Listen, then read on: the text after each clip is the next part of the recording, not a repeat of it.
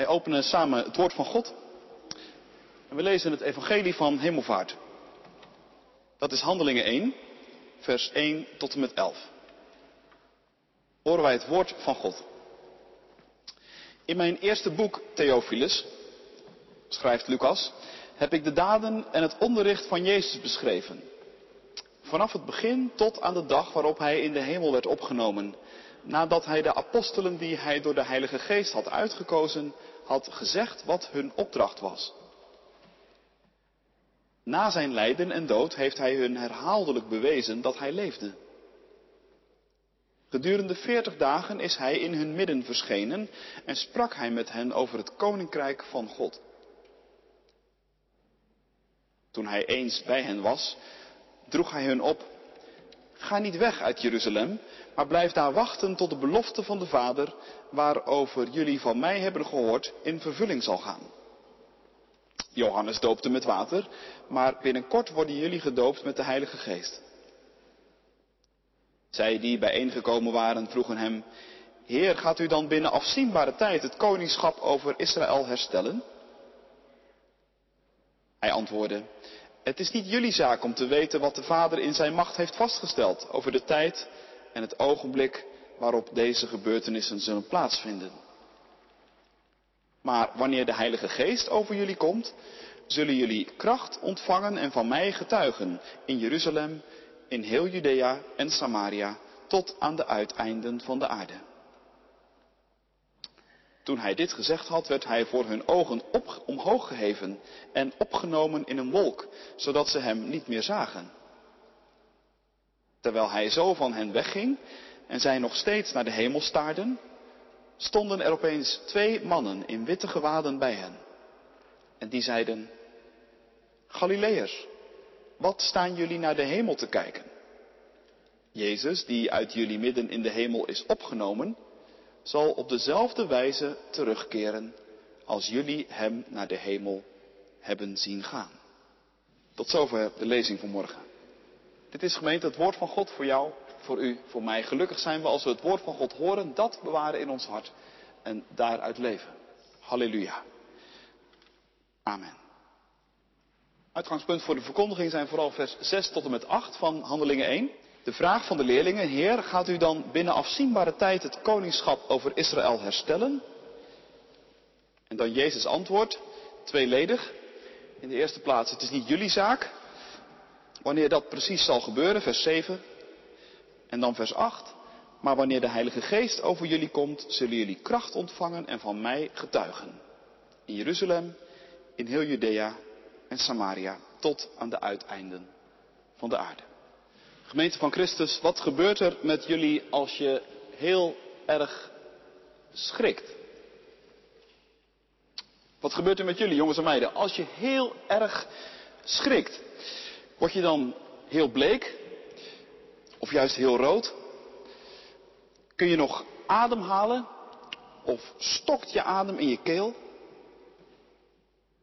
Slaat je hart misschien een paar keer over of gaat het heel erg bonzen? Zelf word altijd heel erg bleek als ik schrik. En dat heb je vaak zelf niet eens zo in de gaten. Maar sommige mensen die schrikken daar dan weer van. Want dan denken ze, oh, zometeen valt hij nog om ook. Nou, niet ieder lichaam reageert dus op dezelfde manier op schrik. Maar ik denk dat al die verschillende reacties die wij hebben op schrik toch wel in één ding overeenkomen.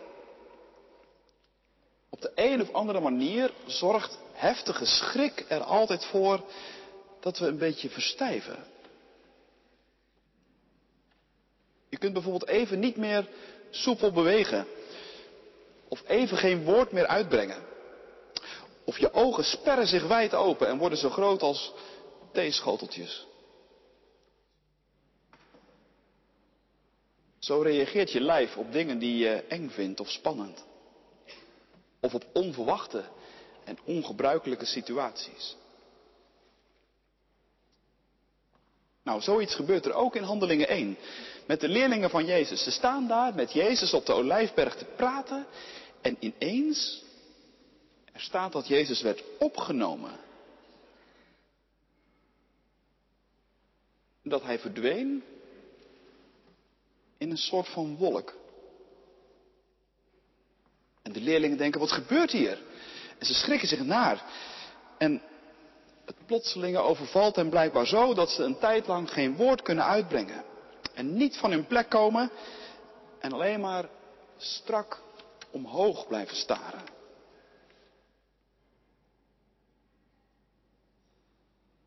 Ja, waarom die schrik eigenlijk? Vroeg ik me af. Nou ja, denk je, dat is natuurlijk nogal logisch. Want je zult maar zomaar met iemand staan te praten en je ziet zomaar dan ineens die persoon langzaam verdwijnen. Alsof er helemaal geen zwaartekracht bestaat.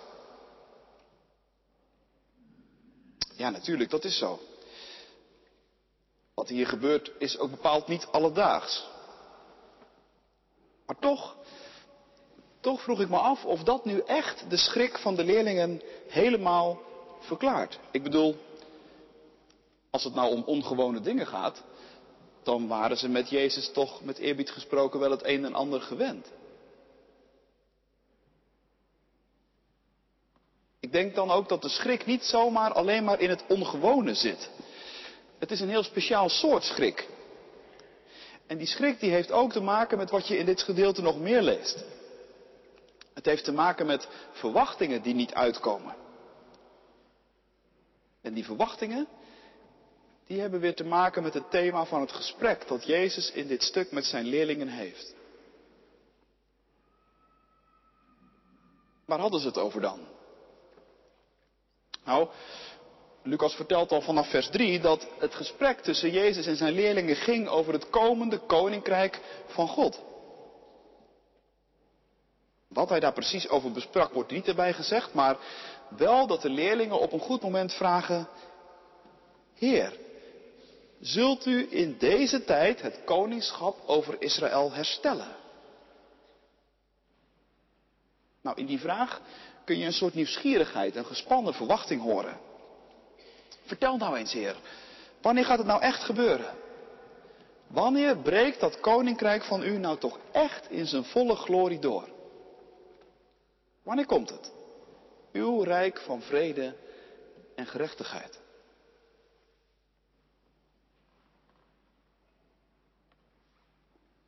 Er zijn Bijbeluitleggers die vinden dat eigenlijk een heel verkeerde vraag. Iemand als niemand minder dan Calvijn bijvoorbeeld, die zegt het is eigenlijk dagdromerij wat de leerlingen hier doen. Ze dromen een beetje van een aards koninkrijk en bovendien nog op een heel egoïstische manier. Ze denken alleen maar aan Israël, aan hun eigen land en aan hun eigen volk. Nou, het is maar de vraag of je zo kritisch moet zijn over deze vraag. Jezus heeft tijdens zijn leven op aarde toch voortdurend gesproken over het koninkrijk van God. Het waren zelfs zijn allereerste woorden die opgetekend zijn in het evangelie. Keer je om, want het koninkrijk van God is nabijgekomen. En heeft Jezus het zijn leerlingen ook niet leren bidden? Uw koninkrijk komen? Nou ja, dan is het toch niet zo vreemd dat die discipelen ook echt iets verwachten van dat koninkrijk. En zeker niet als je bedenkt dat er in die tussentijd allemaal nog meer gebeurd is. Welke tekenen Jezus van het koninkrijk allemaal heeft laten zien. En wat er gebeurde rondom het kruis en rondom de opstanding. En hoe hun hoop, die eerst helemaal de grond ingeboord was, toch weer opflakkerde. Het zo bekijkt, is het juist een heel begrijpelijke vraag. De vraag naar de komst van het koninkrijk. Eigenlijk een vraag vol geloof, zou je kunnen zeggen. Want, vertelt Lucas, veertig dagen lang heeft Jezus met zijn leerlingen over het komende koninkrijk gesproken. Er was dus al met al alle reden om te geloven dat het niet zo lang meer zou duren.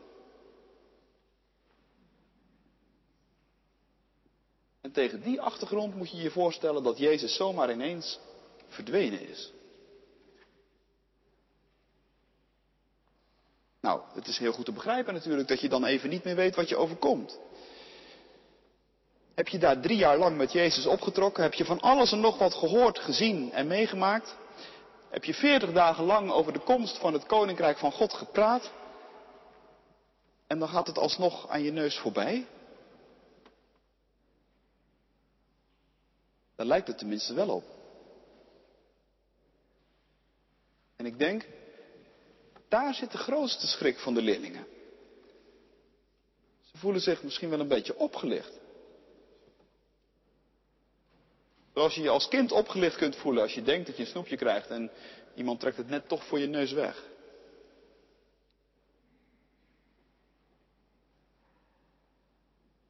Zo staan de leerlingen aan Jezus te staren. En ze weten niet wat ze uit moeten brengen. Ze komen niet van hun plek. Ze staan daar een beetje bevroren, met hun ogen strak omhoog gericht. Wat is dit? Wat overkomt ons nu?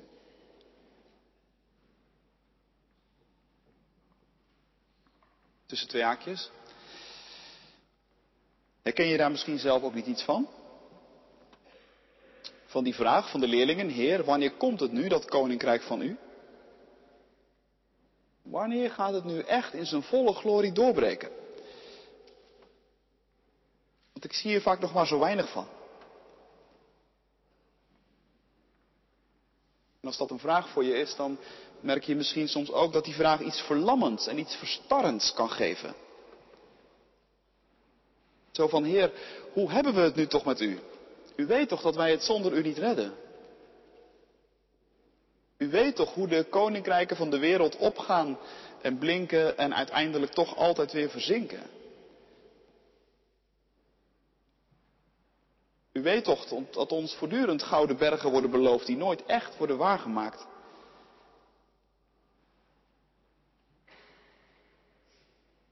U weet toch dat we het journaal maar hoeven aan te zetten om te zien hoe er overal op de wereld beloofde hemels zijn die binnen de kortste keren in een absolute hel veranderen. U weet toch dat wij u helemaal niet kunnen missen. U snapt toch wel dat wij ons beteuterde christenen voelen.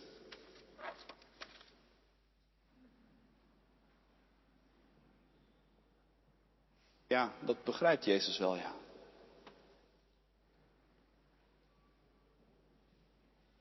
En daarom wordt er vanmorgen iemand naar je toegestuurd. Net als toen op die eerste hemelvaartsdag om tekst en uitleg te geven.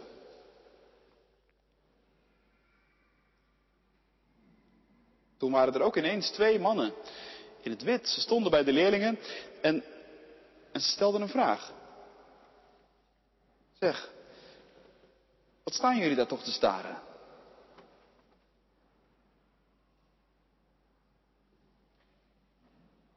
Die vraag komt ook vanmorgen op ons af. Wij zijn niet alleen maar degene die vragen aan God stellen. Heer, wanneer komt uw koninkrijk? Maar er wordt ook wel eens een vraag aan ons gesteld. Wat sta je daar nou te staren? Waarom kom je niet van je plek? Waarom ben je zo naar binnen gekeerd? Zo in jezelf. Zo bezet met je eigen kleine wereldje.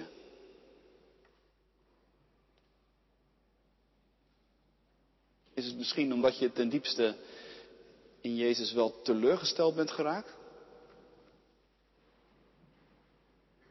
Is het misschien omdat je je afvraagt of het met het koninkrijk van God nog wel in orde komt?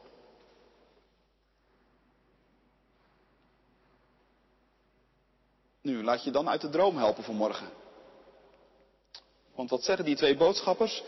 Deze Jezus die opgenomen is in de hemel, die zal ook terugkomen. Op dezelfde manier als je hem hebt zien heen gaan. Met andere woorden, zit maar niet in over het koninkrijk, dat komt wel terecht.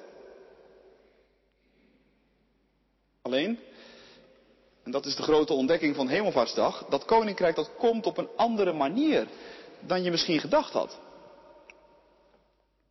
Het gaat niet in één sprong van Pasen naar de nieuwe hemel en de nieuwe aarde. Het verhaal van God en zijn schepping is nog niet af. Er zit nog een hoofdstuk tussen, om het even zo te zeggen. Een flink hoofdstuk. Zeg maar gerust, een boek op zich. En dat nieuwe boek, dat is begonnen op die eerste hemelvaartsdag en het is tot nu toe nog steeds niet af.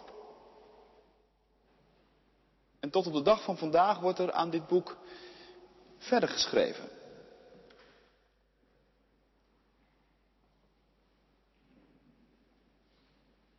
Het vorige boek, Jezus op aarde, dat is met het aanbreken van de hemelvaart afgerond. Dat boek dat noemt Lucas in vers 1 het eerste boek. Het eerste boek is het leerboek geweest, zou je kunnen zeggen. Daarin heeft Jezus zichzelf laten zien. In dat boek is van alles te lezen en van alles te leren over wie God is. Dat is het boek waarin je wordt verteld dat er een God is die je onvoorwaardelijk lief heeft. En die hoogst persoonlijk deze wereld is binnengestapt om die te redden en om er zijn koninkrijk uit te roepen.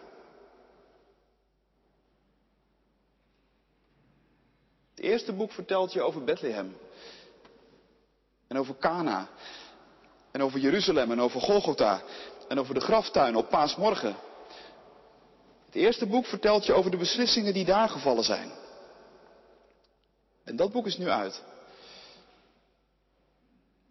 Nee, dat betekent natuurlijk niet dat je er niet meer in mag kijken. Natuurlijk niet.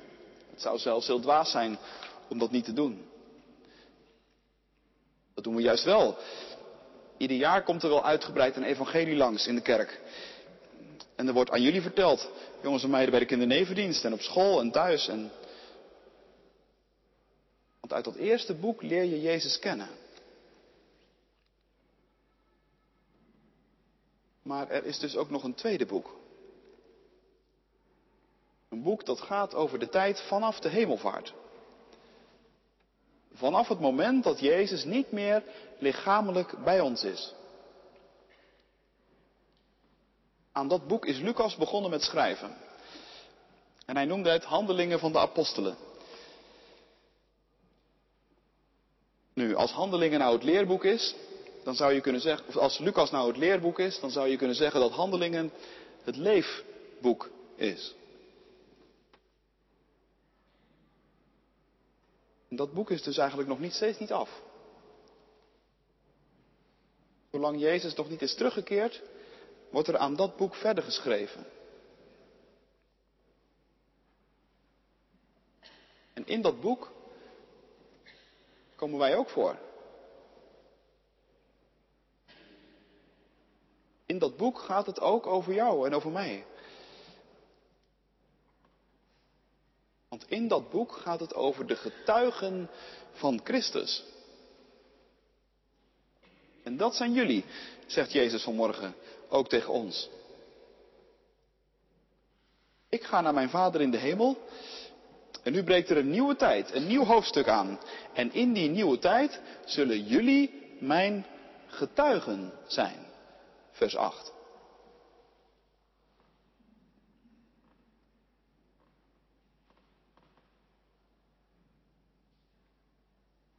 Ja, en dan de vraag of je daartoe bereid bent. Ben je bereid om de naam van Christus te beleiden voor de mensen?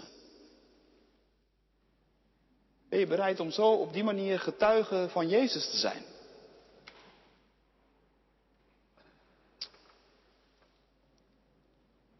Ik merk vaak dat op dat punt nogal wat verlegenheid bestaat. Dat als zo'n vraag op je afkomt en je laat hem even wat bij je omgaan, dat je al snel denkt, oei, dat is vast ingewikkeld en complex. Ik heb vaak het idee dat ik dan niet goed weet wat ik moet zeggen en zo. Dat ik niet uit mijn woorden kan komen en dat als ik eraan denk dat ik het er eigenlijk al benauwd van krijg.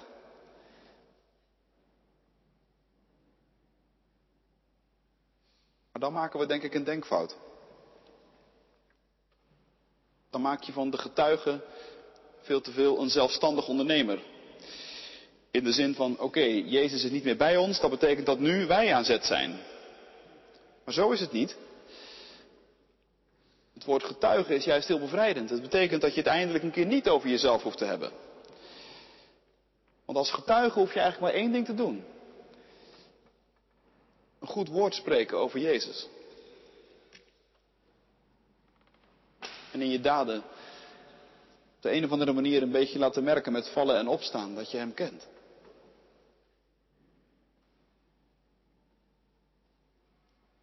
Getuigen van Jezus zijn is van jezelf afwijzen. En zelfs dat, zelfs dat hoef je niet alleen te doen. Want, zegt Jezus erbij, je zult de kracht van de Heilige Geest ontvangen. En die zal over je komen. En die zal ervoor zorgen dat je getuige kunt zijn. Tot aan de uitersten van de aarde.